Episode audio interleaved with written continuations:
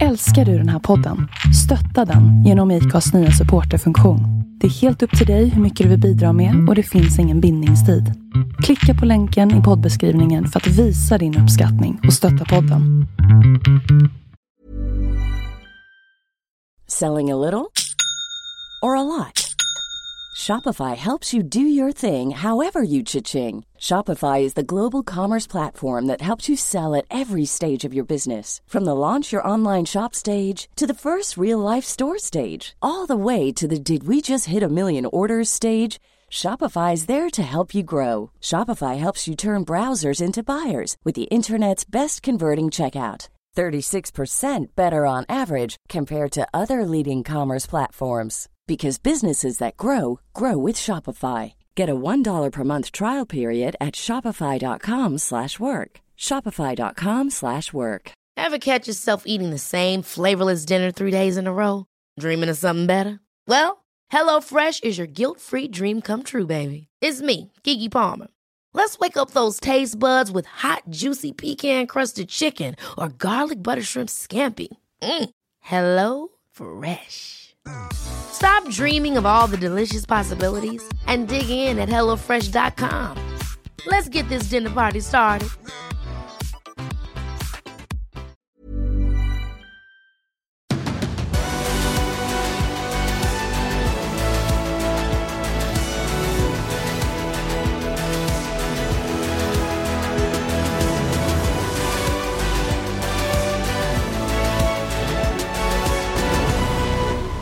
Då är det dags för ännu en eh, MotoGP-podd och eh, det här är ännu en uppsättning. Vi sitter på ett helt annorlunda sätt. Hur är läget Andreas?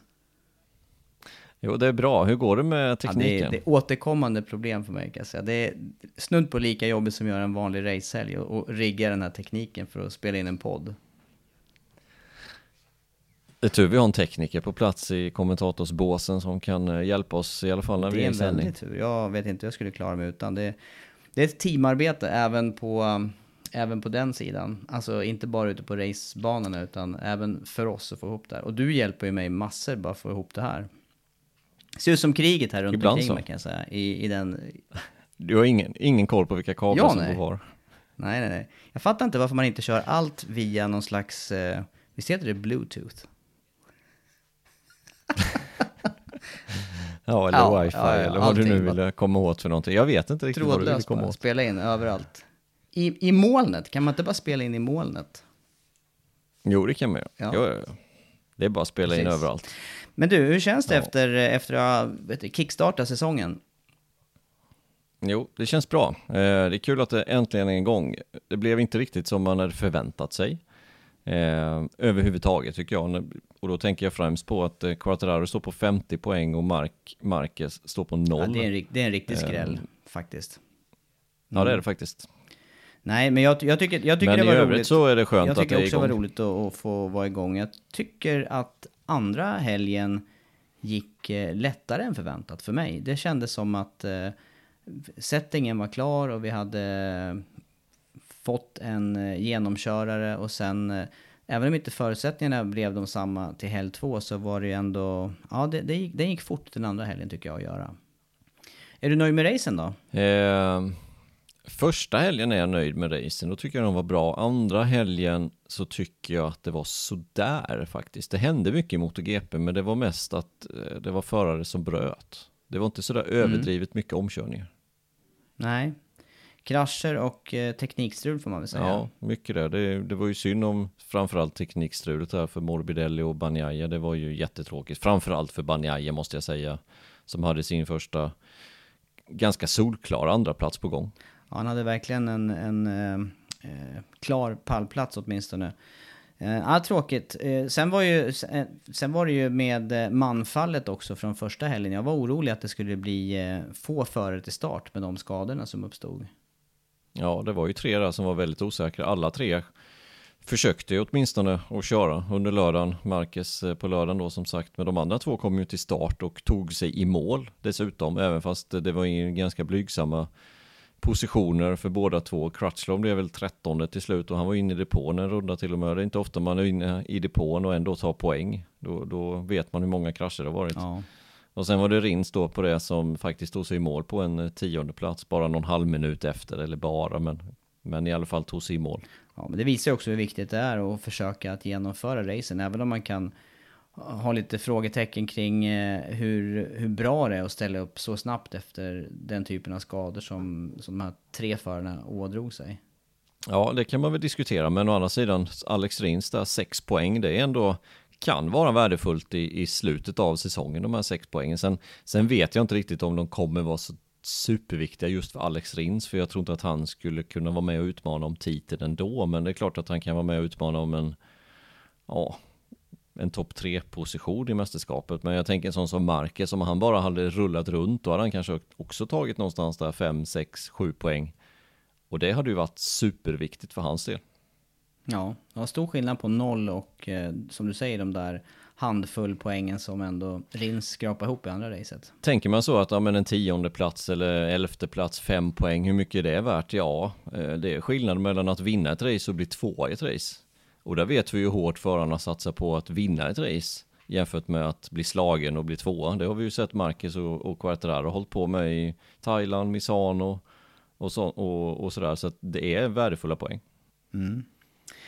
Ja, eh, igång med en kickstart och så får vi hoppas att de planerade racen blir av nu då. 13 planerade race och eh, till viss del beror ju det på utvecklingen av eh, corona och covid-19 och spridningen i Europa.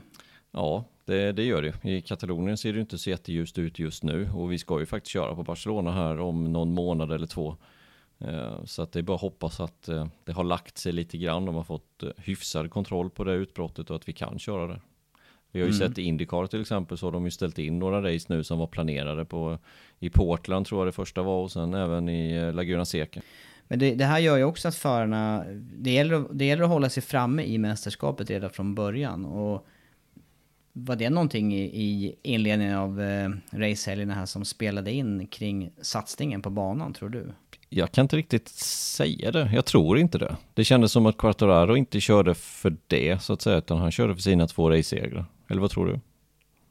Ja, ja kanske för tidigt att tänka, eh, tänka längre. Men, men dramatiskt var det i alla fall. Det är mycket dramatik de här två första racehelgerna, det måste jag säga. Du, eh, sortering i podden. Nu var det lite lång introsnack här. Eh, Och med tanke men, på eh, intro, vi har en ny ja. intromelodi. Det kanske alla har hört redan, för det är tredje podden nu i rad som vi kör den nya. Musiken. Mm. Vad tänkte du där då? Nej, jag tänkte bara säga det så att alla är medvetna om att det faktiskt är nytt. I och med att det är V-sport motor nu vi heter. Ja, just det. Kändes det bra då? Ja, det var du, bara du som sa fel ett par gånger, men å andra sidan så säger du det där hela tiden. Så att det är Viasat Motor Sverige och allt vad det var innan. Nu är det Viaplay Motor Sverige. Ja, det hände något tillfälle, det stämmer. stämmer. Lätt hänt. Du, jag skulle vilja gå in på, jag skulle vilja gå in på det här med, med eh, vi körde ju positivt och negativt, eller plus och minus där från eh, förra podden. Mm, det tycker jag vi kör vidare med. Det var väl en bra, en bra, ett bra sätt att sortera tankarna. Eh, vad, vad skulle du vilja slänga in där på plussidan? Ska vi börja med det mest uppenbara? Ja, det tycker jag. Ja, samma som förra veckan, Fabio Quartararo som tar sin andra raka seger eh, och fördubblar sin segerskörd i karriären i MotoGP från en till två. Det gjorde han på åtta dagar. Och eh, jag tycker den här segern som man tog i söndags var ännu mer imponerande än första segern. För den här segern, då då? nej men han, eh, han körde helt klockrent. Första varvet så drog han inte upp, han tog ledningen, men drog inte upp eh, vansinnigt tempo från början. Vi såg att Vinales låg på precis i bakhjulet. Eh, och försökte sig på en omkörning också i sista svängen. Den misslyckades. Vinales tappade ner till tredje. Quattararo fick lite luft redan då till Rossi, redan med det omkörningsförsöket. Och sen så såg de inte honom längre, utan då försvann han. Och det var mm. inte någon tiondel per varv, utan vi pratade ju sju, åtta tiondelar per varv som han drog med. De andra hade inte en chans, helt enkelt. Nej, det var, det var dominerande. Jag håller med dig. Det var väldigt eh, dominant seger, den här andra. Eh, och vi vet ju egentligen inte hur fort han hade kunnat åka i första racet heller, för där hade han ingen som utmanade. Nej, det hade han inte. Inte när han väl kom upp i ledning så hade han inte det. Eh, så att imponerande seger. Det är lite, det är lite Lorenzo-style. faktiskt, tycker jag. Ja, eh, det tycker jag har varit slående de racehelgerna vi har sett honom. Eh, ja, jag menar även alltså förra året att det är väldigt få misstag från den här föraren och det är klockrena varv och det går nästan inte att uttyda var på banan han eventuellt har några svårigheter. Man kan se saker som kanske är kopplade till motorcykeln men förarmässigt, nej, väldigt komplett med tanke på den lilla erfarenheten han har. Ja, väldigt komplett. Eh, sen får vi se också vad som händer när det börjar bli lite taskigt väder. Det vet vi inte än. Om man är lika vass när det är lite blöta förhållanden. Å andra sidan så ser ju körstilen nu, det går fort, det ser, det ser i mina ögon relativt mjukt ut. Eh, jag har faktiskt ingen erfarenhet eh, från, han, eller jag har ingen statistik från hans tidigare karriär, men han har ju vunnit eh, mästerskap redan som yngre tonåring, spanska mästerskapen. Och jag menar, ibland blir det ju regn. Han kan ju inte ha klarat sig undan regn i karriären. Nej, men alltså det var ju någon, något regnpass förra året där vi tyckte att han körde ändå bra för att det var, det var inte många regnpass förra året. Men, men sen vet vi just den där erfarenheten med att det är eh, blött, med att det är halvblött, få temp i däcken. Det är lite outforskat område, vi vet inte riktigt vad han kan prestera där. Nej, och det var ju det som var lite, det var ju det som jag tyckte var frågetecken inför det här andra racet nu med eh, bantemperaturerna där som nästan var 60 grader. Det var ju egentligen okänt territorium för de flesta. Och då tänker jag ändå att sådana förare som till exempel Rossi eller Dovizioso skulle kunna dra nytta av de förhållandena. Men till och med där då i jämförelse med, med de äldre så, så var han ju helt överlägsen. Ja, ja det var han.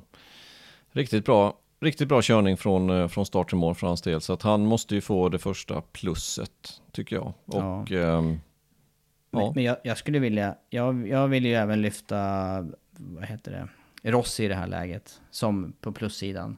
Apropå att vi kommer in på äldre förare. Jag, jag, jag tyckte han gjorde ett imponerande race. Han gjorde framförallt ett imponerande förändring från helg 1 till helg 2. Ja, det gjorde han verkligen. Eh, han var ju ingenstans egentligen första helgen. Andra helgen så, så var han ju med på något sätt. Hela tvåa, han låg trea ett tag när Banjaya tog sig förbi. Sen så bröt Banjaya, då blev han tvåa igen. Och han gjorde ju det svårt för Vidiales. Riktigt, riktigt svårt. Man såg liksom, när vi fick se kameran fram från Vinales så såg vi också ganska tydligt hur svårt Rossi gjorde det för Vinales att ta sig förbi. För han bromsade ett par meter in mot banan och sen ja. flyttade sig. Och kommer man då bakom i en bra fart, då ska man lägga sig kanske mer till höger, om det nu svänger höger, som det gör ofta på Jerez. Ännu mer till höger, kanske liksom mot den sidan när man börjar bromsa. Det är inte lätt. Nej, ett, ett sånt ställe, det var ju där när de kom ut ur eh, kurva 8 och in mot kurva 9 där. Där det såg ut som att, eh, där, där Vinales sen körde om till slut. Ja. Eh, men då var det lite på en miss av Rossi. Men flera varv innan där så var det precis som du sa, där, där kom ju Rossi in eh, ganska mycket mot mitten av banan. Ja, ja det, det, gör man ganska naturligt där i och med att man kommer över vänstersväng. Men, och, men, men precis som du säger, han gjorde det där med flit också. Det var inte... Lite extra. Ja, exakt. Och även efter bakrakan tyckte jag man såg det också ganska tydligt ner mm. till kurva 6. Att han var i mitten av banan och sen bromsade han mer eller mindre genom att svänga lite vänster samtidigt. Mm. För att hämta höjden. Och, och, då blir det svårt för den bakom om då inte den personen, föraren, har en stabilare hoj i inbromsningen eller lite högre toppfart. Och de sitter ju på Fabriks Yamaha båda två så det är ganska lika där.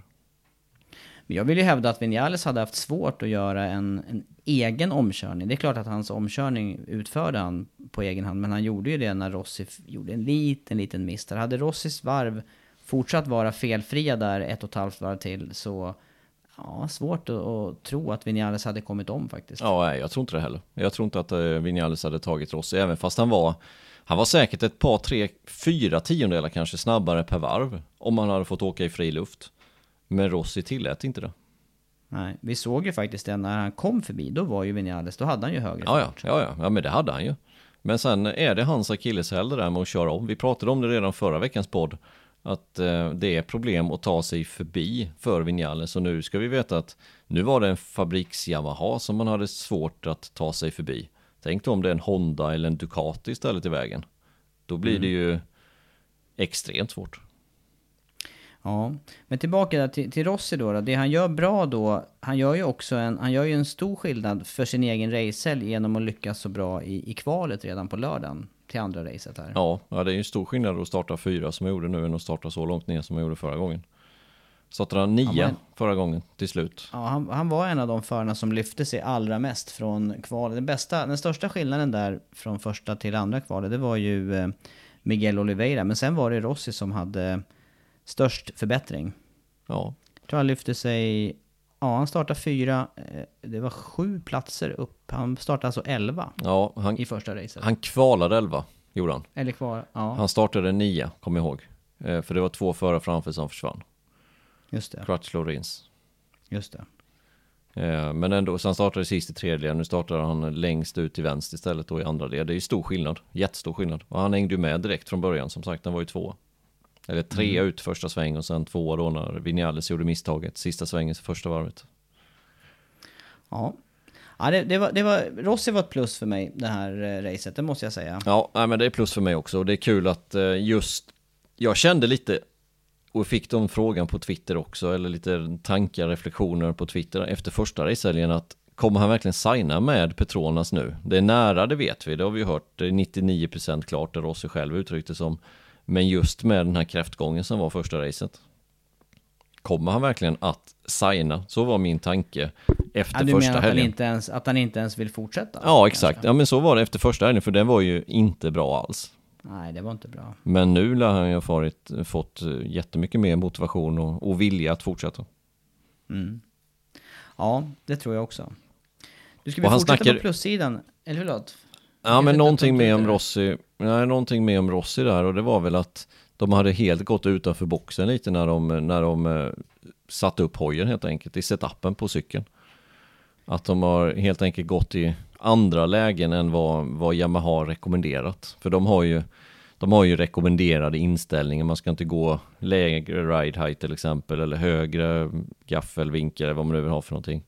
Och så, och så har de gått utanför det lite grann. Det behövdes ju göra något radikalt. Det är, det är väl därför också som, som Rossi har gjort de här eh, förändringarna med eh, olika crew chiefs nu då på, på några år där. Från Burgess till eh, Galbosera och nu då eh, Davide Munoz. Ja, nu behöver det hända någonting ordentligt.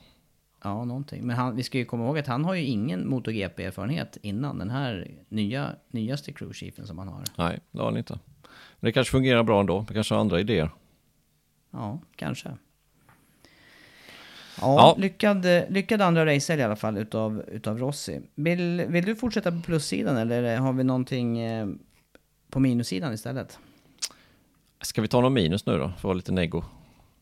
Ja, Ja, då kör vi eh, Rossis teamkamrat Maverick Vinales. Och det känns ju lite konstigt kanske att vi sätter plus på Rossi som blir trea, men vi sätter minus på Vinales som blir tvåa. Och vi gjorde samma sak förra veckan. Han jag hamnade... tänkte säga det. Visst, visst hamnade han på minussidan även ja, förra gången? ja, det gjorde han. Eh, men det har helt enkelt med att göra med att han, eh, han har inte en chans mot sin blivande teamkamrat, eller hade inte en chans denna helgen heller, mot sin blivande teamkamrat som sitter i ett satellitteam och som har tre års mindre erfarenhet av att köra Yamaha.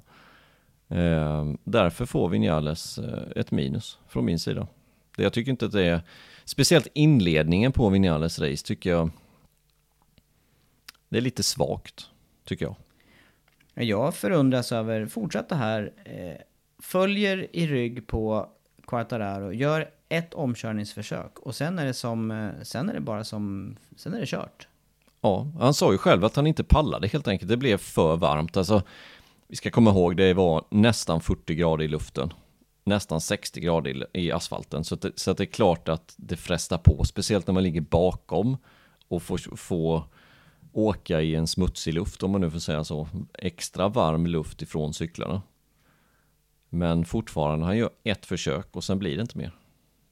Nej, nej, jag är förundrad som sagt. För det var ju ändå i inledningen på racet, där borde det ha funnits någon kraft kvar, tänker jag.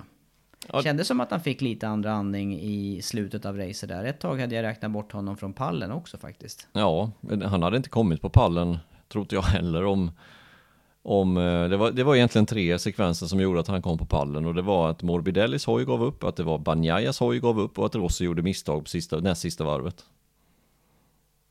Ja, annars hade det varit... Eh, nej, det är klart. Det, det hade inte gått lika bra för Vinales, det håller jag med om. Nej. Så... Eh, eh, nej, så resultatmässigt eh, lyckosamt för hans del då, men insatsmässigt så behövs det någonting. Jag tänker också på det här med att eh, vi har ju faktiskt honom som en eh, absolut titelkandidat, men det börjar ju svaja lite i, huvudet och tänka kring, kommer det, här, att- kommer det här att räcka om han stöter på det här motståndet igen och igen och igen? Ja, vi, vi såg ju det redan förra året från Quattararo. Han slog ju Vinales, de här fighterna mot Marquez till exempel. Vinales var ju ingenstans där. Så eh, ja, jag börjar tänka i samma banor faktiskt med Vinales. Har han verkligen, har han verkligen det som krävs för att vinna? Jag, bör, jag börjar tvivla lite efter det jag såg i helgen, men man ska komma ihåg det är en bana, det var stekande hett. Det kommer bli en helt annan sak när vi kommer till nästa bana och banan efter det. Då kan det vara lite annorlunda förhållanden. Men eh, klart är att han måste försöka komma till rätta med, ja, om det nu är, om det nu är omkörningar som saknas för att eh, starterna och igångsättningen av racen, de såg ju bra ut vid båda tillfällena den, den här eh, eh, i, i Jerez. Ja, ja men det gjorde det. Helt, helt okej om inte annat. Absolut. Ja, Men eh, omkörningarna, det, det sa vi även förra året att eh, han har lite problem att köra om. Och eh, nu var det Yamaha-cyklar som låg runt omkring honom och återigen, vad kommer hända när det är Ducati och Honda-cyklar på lite mer effekt, effektkrävande banor? Då blir det ännu svårare att köra om. ja, jag tror problemen kvarstår faktiskt. Ja. Ja, det Ja. blir intressant att Nej, det, får följa. bli, det får bli minussidan på Vinales där. Mm. Vill du ta något mer här då? Ska vi ta en Ja. plus till då? Ja, har du, har du någon plus i åtanke? Ja, jag har en plus i åtanke. Jag tycker vi tar de två förarna som kommer från Moto 2, som är eh, före detta mästare i Moto 2 och som var på väg mot en fin andra och tredje plats i racet. Och då pratar vi ju om Bagnaia och Morbidelli. De hamnar på plussidan då, fast de eh, bryter racen. Ja, för det är inte deras fel riktigt att de bryter racen. Det är ju maskinproblem på båda. De gjorde, de gjorde, jätte, de gjorde jättesnygga race. Eh, Banjaya var jag förvånad över att han höll i så bra. Han gjorde ju ett bra kval. Ja, Hade bra utgångsläge och eh, höll i. Såg ju, han såg ju faktiskt eh, klockren ut under racet. Ja, det gjorde han. Mycket hetare än Miller till exempel. För visst Ja. var det ett omkörningsförsök som Banjaya försökte sig på, om det var på Miller eller om det var någon annan. Och så tappade han ganska mycket tid på det, inledningen av racet. Men körde ikapp den luckan, förbi Miller, förbi Vinales och förbi Rossi. Och upp på en andra Stämmer. plats och fick en lucka direkt. Han hade ju det här långa släppet i kurva 13 där. Var det det Eh, som, ja exakt, det kanske var det som gjorde att han tappade mycket tid. Han höll ju på att gå omkull själv där i, i, eh, i den svängen, vill jag minnas. Just det. Men han gjorde ett misstag och luckan eh, blev ganska stor framåt. Ja, Och sen körde han ikapp det och om det. Han såg mycket hetare ut än vad Jack Miller. Och Jack Miller tycker jag såg bra ut förra helgen. Men lite sämre den här helgen och speciellt på racet tycker jag att Banjaya var ju definitivt hetare än vad Miller var. mm, stämmer. Och Morbidelli fortsätter och han, han hamnar ju lite i skuggan utav Quartararo såklart. Men, men han kom starkt på slutet av racet. Ja, och det var ju inte långt ifrån att det blev två pallplatser för Petronas. Det var ju, ja om cykeln hade hållit för Morbidelli så är jag rätt övertygad om att han hade tagit sig förbi Rossi till slut och tagit den här tredje, tredje platsen då efter Banjaje. nu. Nu bröt ju Banjaje också så att synd om Morbidelli tycker jag. Mm. Ja, men du, det här, om, det, om de två då hamnar på plussidan och, och det är teknikstrul för båda. Ja, jag tänker att någonting med de här äh, eh, motorrasen måste väl kunna hamna på minussidan då. För mig, för mig känns det så. Det är inte, det är inte så här mycket, så här mycket ras har vi inte sett på lång tid. Nej, det har vi inte gjort. Ehm, nej, men det var varmt också. Ja, det var Om det kunde Det- påverka. Men vi vet ju att Yamaha har haft problem. Om vi tar Morbidellis där till exempel så är det ju Yamaha har ju problem. Eh, någonting som uppenbarade sig faktiskt inte förrän, för oss i alla fall statistiskt sett på söndag morgon när vi fick den här listan Vi får alltid en lista på racedagen vilka motorer som har använts under helgen, hur mycket de har gått. Eller inte exakt kilometer, men vilka pass de olika motorerna har gått. Och hur, hur många motorer man har i omlopp helt enkelt. Och eh, då såg vi ju direkt när vi gick in på de fyra Yamaha-förarna att det här är ju inte jättebra. Det ser ju lite alarmerande ut. Ja det gjorde det verkligen. Det, det var ju skillnad, vet, jämförde med andra fabrikater som hade använt två motorer, alltså haft igång en första och en andra hoj. Medan Yamaha då hade både dragit tillbaka motorer och i princip varit inne i alla sina fem motorer, eller använt alla sina fem. Ja, ska vi dra det exakt så är det att alla Yamaha-förarna började ju med två motorer första helgen. Eh, Vinales hände någonting med hans motor efter FP3 första helgen. Så att den motorn han tagit bort och fick ta en tredje motor redan den helgen. För Rossi hände samma sak fast på racet, det vet vi att hans hoj stannade ju där. Och den motorn fick de också dra tillbaka. Även för Quattararo och för Morbidelli, de två motorerna som de använde första helgen. De användes inte någonting nästa helg. Och då var det helt, på, hos alla Yamaha-förarna så var det två nya motorer i de två cyklarna de har. Så redan där så är det minst fyra motorer för Rossi då, som fick ta bort en motor blir det femte, även för Niales femte, så att inte bra. Nej, nej, det ser inte bra ut. Men har man någon aning om eh, vad eh, det här beror på då? Från, eh, är det någonting som har Yamaha gått ut med efteråt? Nej, det har de inte gjort. Eh, men däremot så är det mycket rykte som tyder på att en, en av motorerna redan skickade till Japan. Det gjorde de redan efter Jerez nummer ett. Och ryktena som har kommit ut i italiensk media är att det är en, en sensor på avgassidan som mäter någonting, troligtvis temperatur och så ger den tillbaka någonting till boxen på något sätt. Och att det är den sensorn som krånglar. Eh, och det vore ju en, för det första vore det ju positivt för Yamaha om det bara är en sensor. Men det som är negativt är ju att den sitter innanför plomberingen på motorerna. Och vi ska veta det, man får bara använda fem motorer. Det är det som är gränsen den här säsongen. Normalt sett är det sju motorer. Men i och med att det är en förkortad säsong så är det fem motorer som gäller. Och den här sensorn då sägs då sitta innanför plonderingen och ja, då får vi se om de får tillåtelse att byta den här sensorn utan då att åka på de här bestraffningarna. Det vet vi inte än. Nej, och annars blir det kostsamt. Eh, det, det förstår ju vem som helst att eh, startar man inifrån depå och efter grön lampa, då är det, då är det problem att göra de resultat som man skulle gjort annars. Ja, ja, det är precis så som du säger. Man startar alltså från pit, och tar man sin sjätte motor, då startar man från pitlane.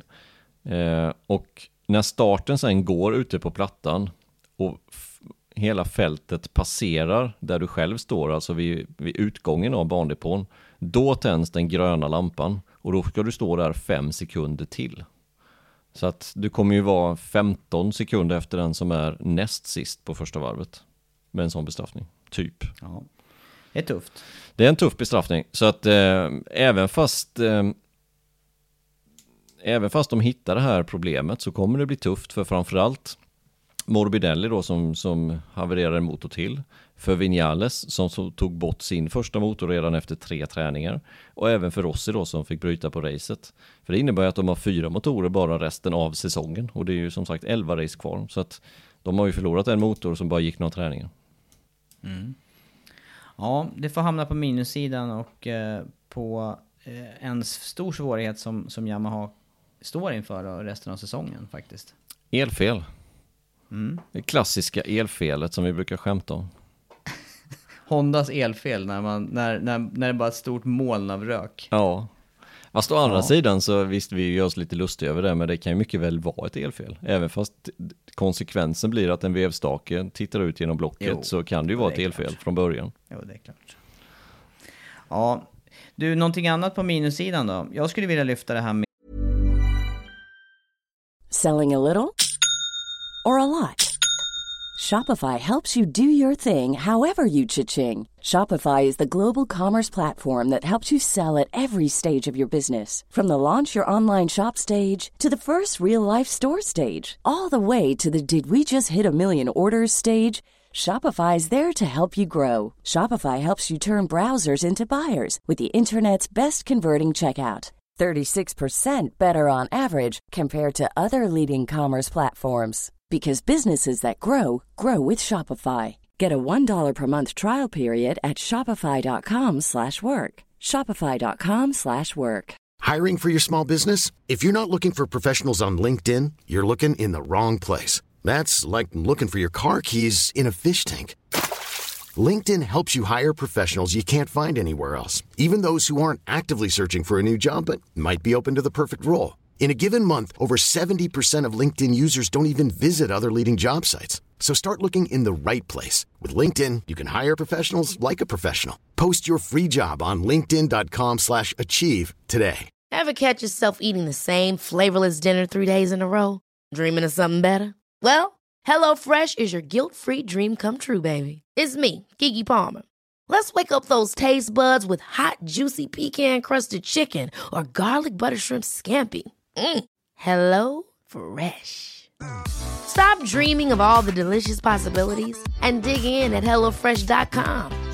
Let's get this dinner party started.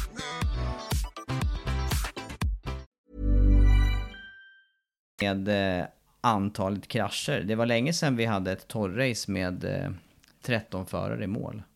Ja. Där den sista föraren, Cal Crutchlow, tar tre VM-poäng och han är inne i depån efter tre fjärdedelars race. Ja, det är, det är anmärkningsvärt. Men kanske också, kanske också lättare att förklara. För att i alla fall så, det, det jag tänker på i det här fallet är ju eh, temperaturen igen. Och det känns som att eh, de förhållandena som var där i söndags med nästan 60 grader i asfalten, att det var, det var svårt att kontrollera cyklarna på gränsen mellan fäste, eh, släpp och krasch. Det kändes som att eh, några av krascherna där kom hastigare än vad de skulle gjort annars. Ja, det håller jag med om. Eh, med den asfaltstemperaturen såklart att eh, det blir halt helt enkelt. Det är svårt att förklara det fästet som blir när det är för varmt och dessutom då köra efter motor 2 som inte förbättrar fästet utan snarare försämrar fästet. Så var det ganska svåra förhållanden faktiskt. Och sen har de varit där ett tag också och i 40 graders värme, det, det sliter på förarna också, ska vi komma ihåg. Men du, Michelin eh, kom ju ut med information efter racet kring eh, rekommendationer som de hade till teamen och förarna inför det andra racet. Och kan inte du dra lite grann vad, vad som gällde där från Michelins håll, eller vad de rekommenderade teamen att göra? Ja, men de rekommenderade teamen att på vårmappen helt enkelt gå ut på ett nytt däck, göra ett utvarv, ett flygande varv och ett invarv. Och sen låta däcken svalna och sen köra de, racedäck, köra de däcken som race-däck.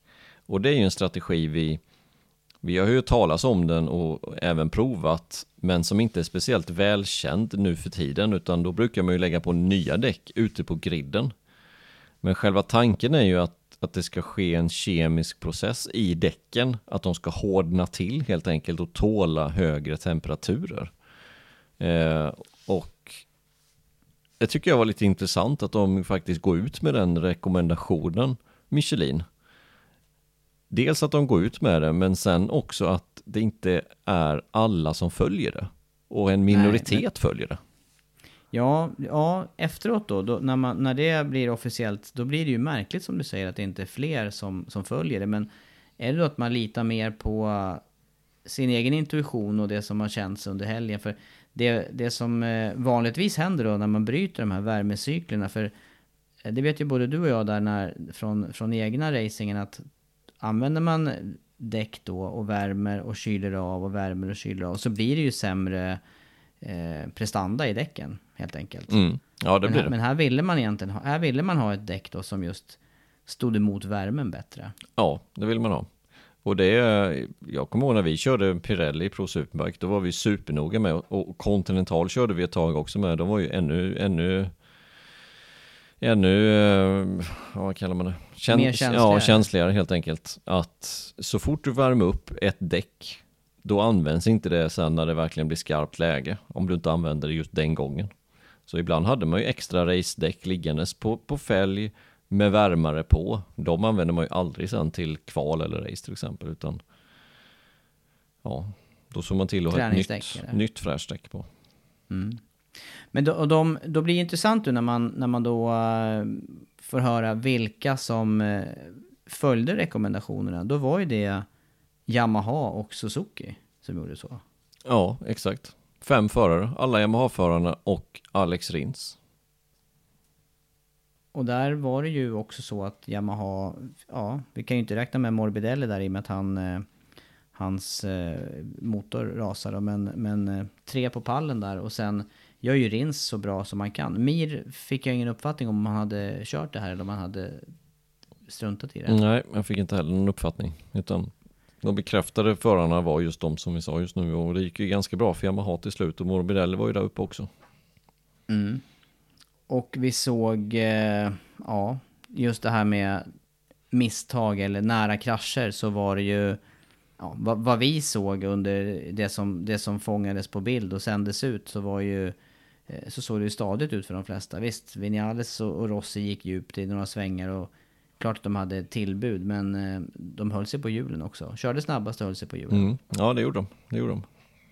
Någon som som sagt inte gjorde det då, det var ju Banjaya då som gjorde ett superrace där bakom. Tills eh, motorn gav upp. Ja. Nej, så det, det, det är säkert så att eh, det här var inte det enda som gällde för att få ett bra race tidsmässigt eller i känsla. Men, men det var en intressant, eh, det var en intressant information efter i alla fall. Ja, ja det tycker jag med. Men det, det är också svårt som team att följa det när man är van att lägga på nya däck på griden egentligen inför warm-up lap. Och få den här, det, det är inte normalt att man gör på detta sättet för oftast blir det mycket sämre. Men med de här Ja. höga temperaturerna så tyckte de väl ändå att det var positivt. Men det blir återigen bekräftat hur viktiga däcken är inom racing. Eh, Ja, ja. Någon liknelse bakåt i tiden där, jag kommer ihåg där med Moto 2 ett tag när de höll på att laborera med, eh, med däcktryck.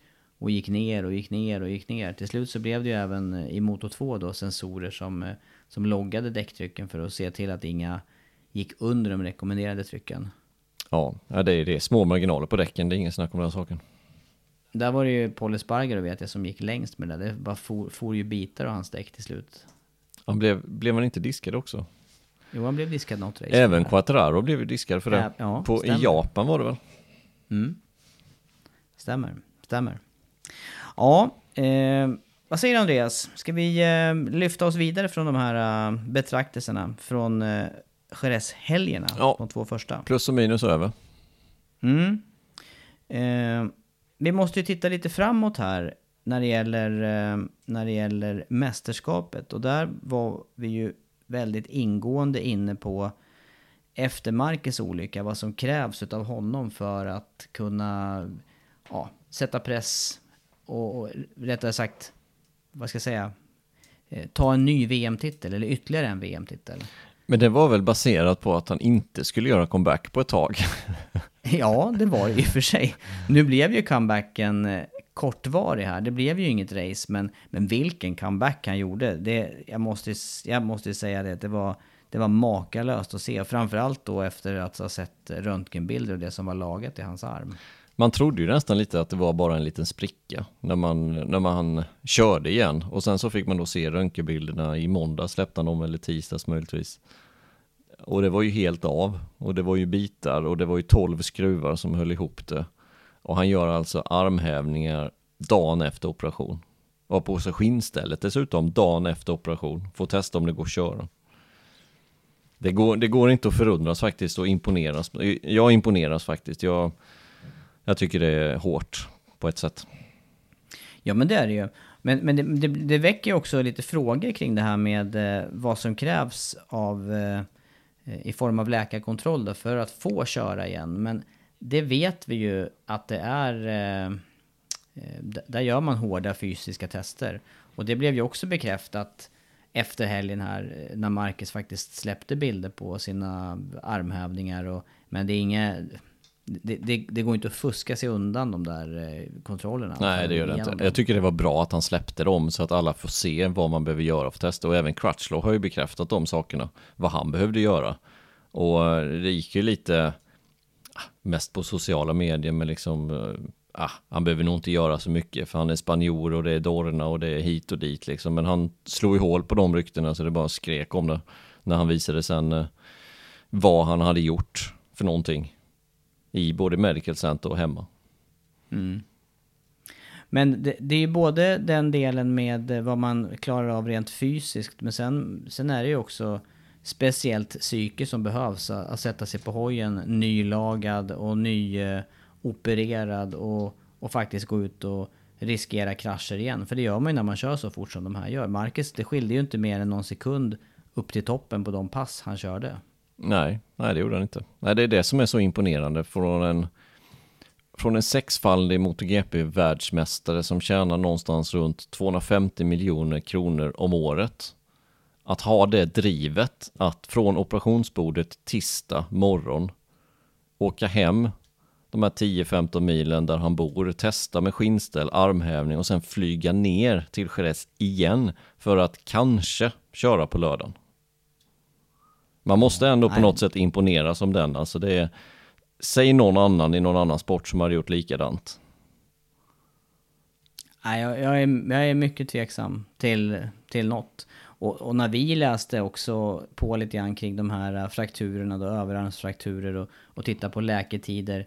Spekulationen där, rent helt lekmannamässigt såklart, det, den, den rörde sig om att ja, kanske kunna vara tillbaka till Misano. Men det, det, går ju, jag ska sluta spekulera i sånt här när det gäller racerförare och comebacker. Ja, nej men han, är säk han kommer säkert inte vara 100% förrän vi sa då i Misano. Men tydligen så kan han ju, han kunde inte köra i helgen men, eh, men han kommer ju försöka definitivt nästa helg i Bruno igen.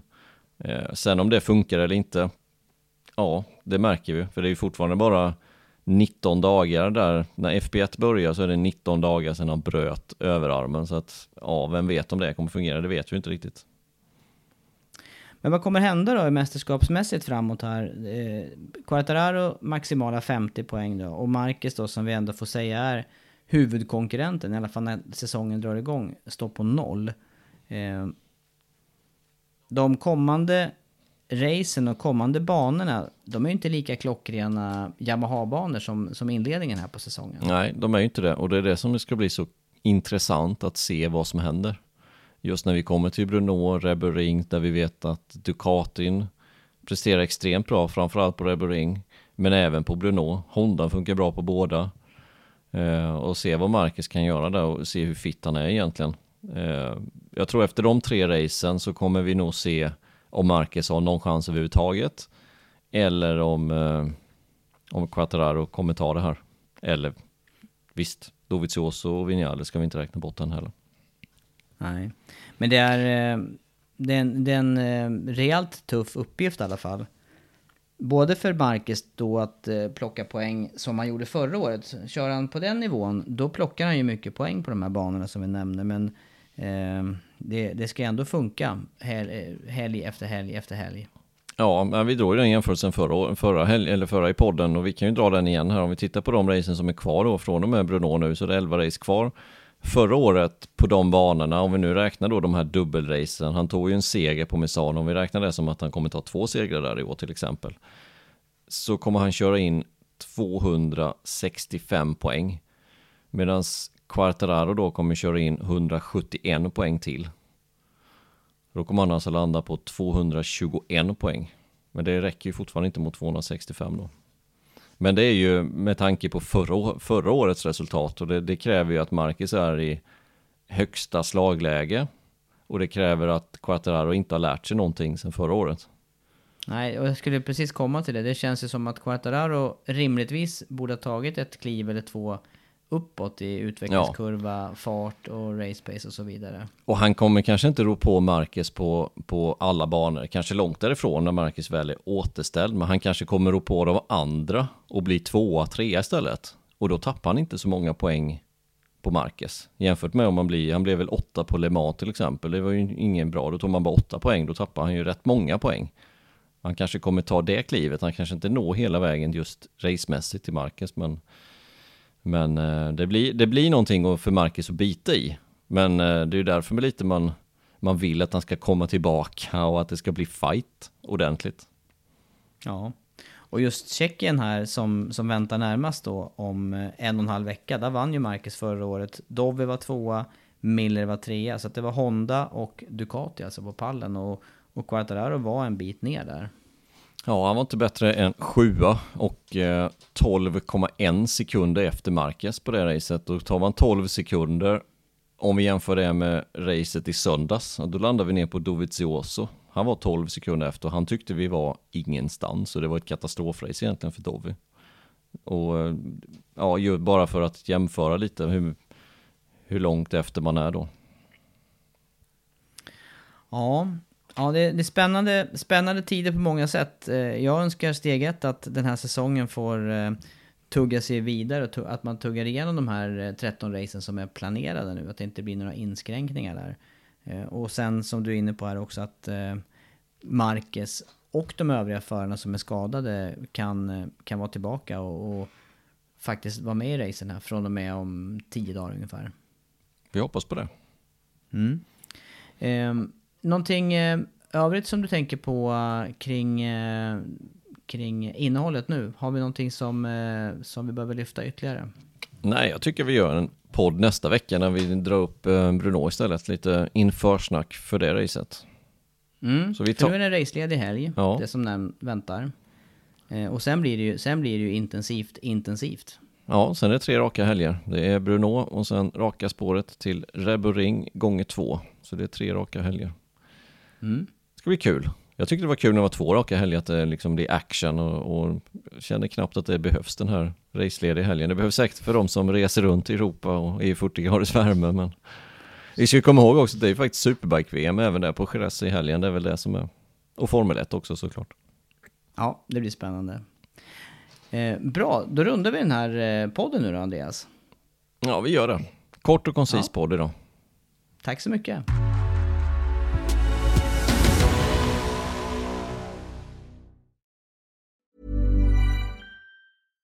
Hi, I'm Daniel, founder of Pretty Litter. Cats and cat owners deserve better than any old-fashioned litter. That's why I teamed up with scientists and veterinarians to create Pretty Litter. Its innovative crystal formula has superior odor control and weighs up to 80% less than clay litter. Pretty Litter even monitors health by changing colors to help detect early signs of potential illness. It's the world's smartest kitty litter. Go to prettylitter.com and use code ACAST for 20% off your first order and a free cat toy. Terms and conditions apply. See site for details. Ever catch yourself eating the same flavorless dinner three days in a row? Dreaming of something better? Well, HelloFresh is your guilt-free dream come true, baby. It's me, Gigi Palmer.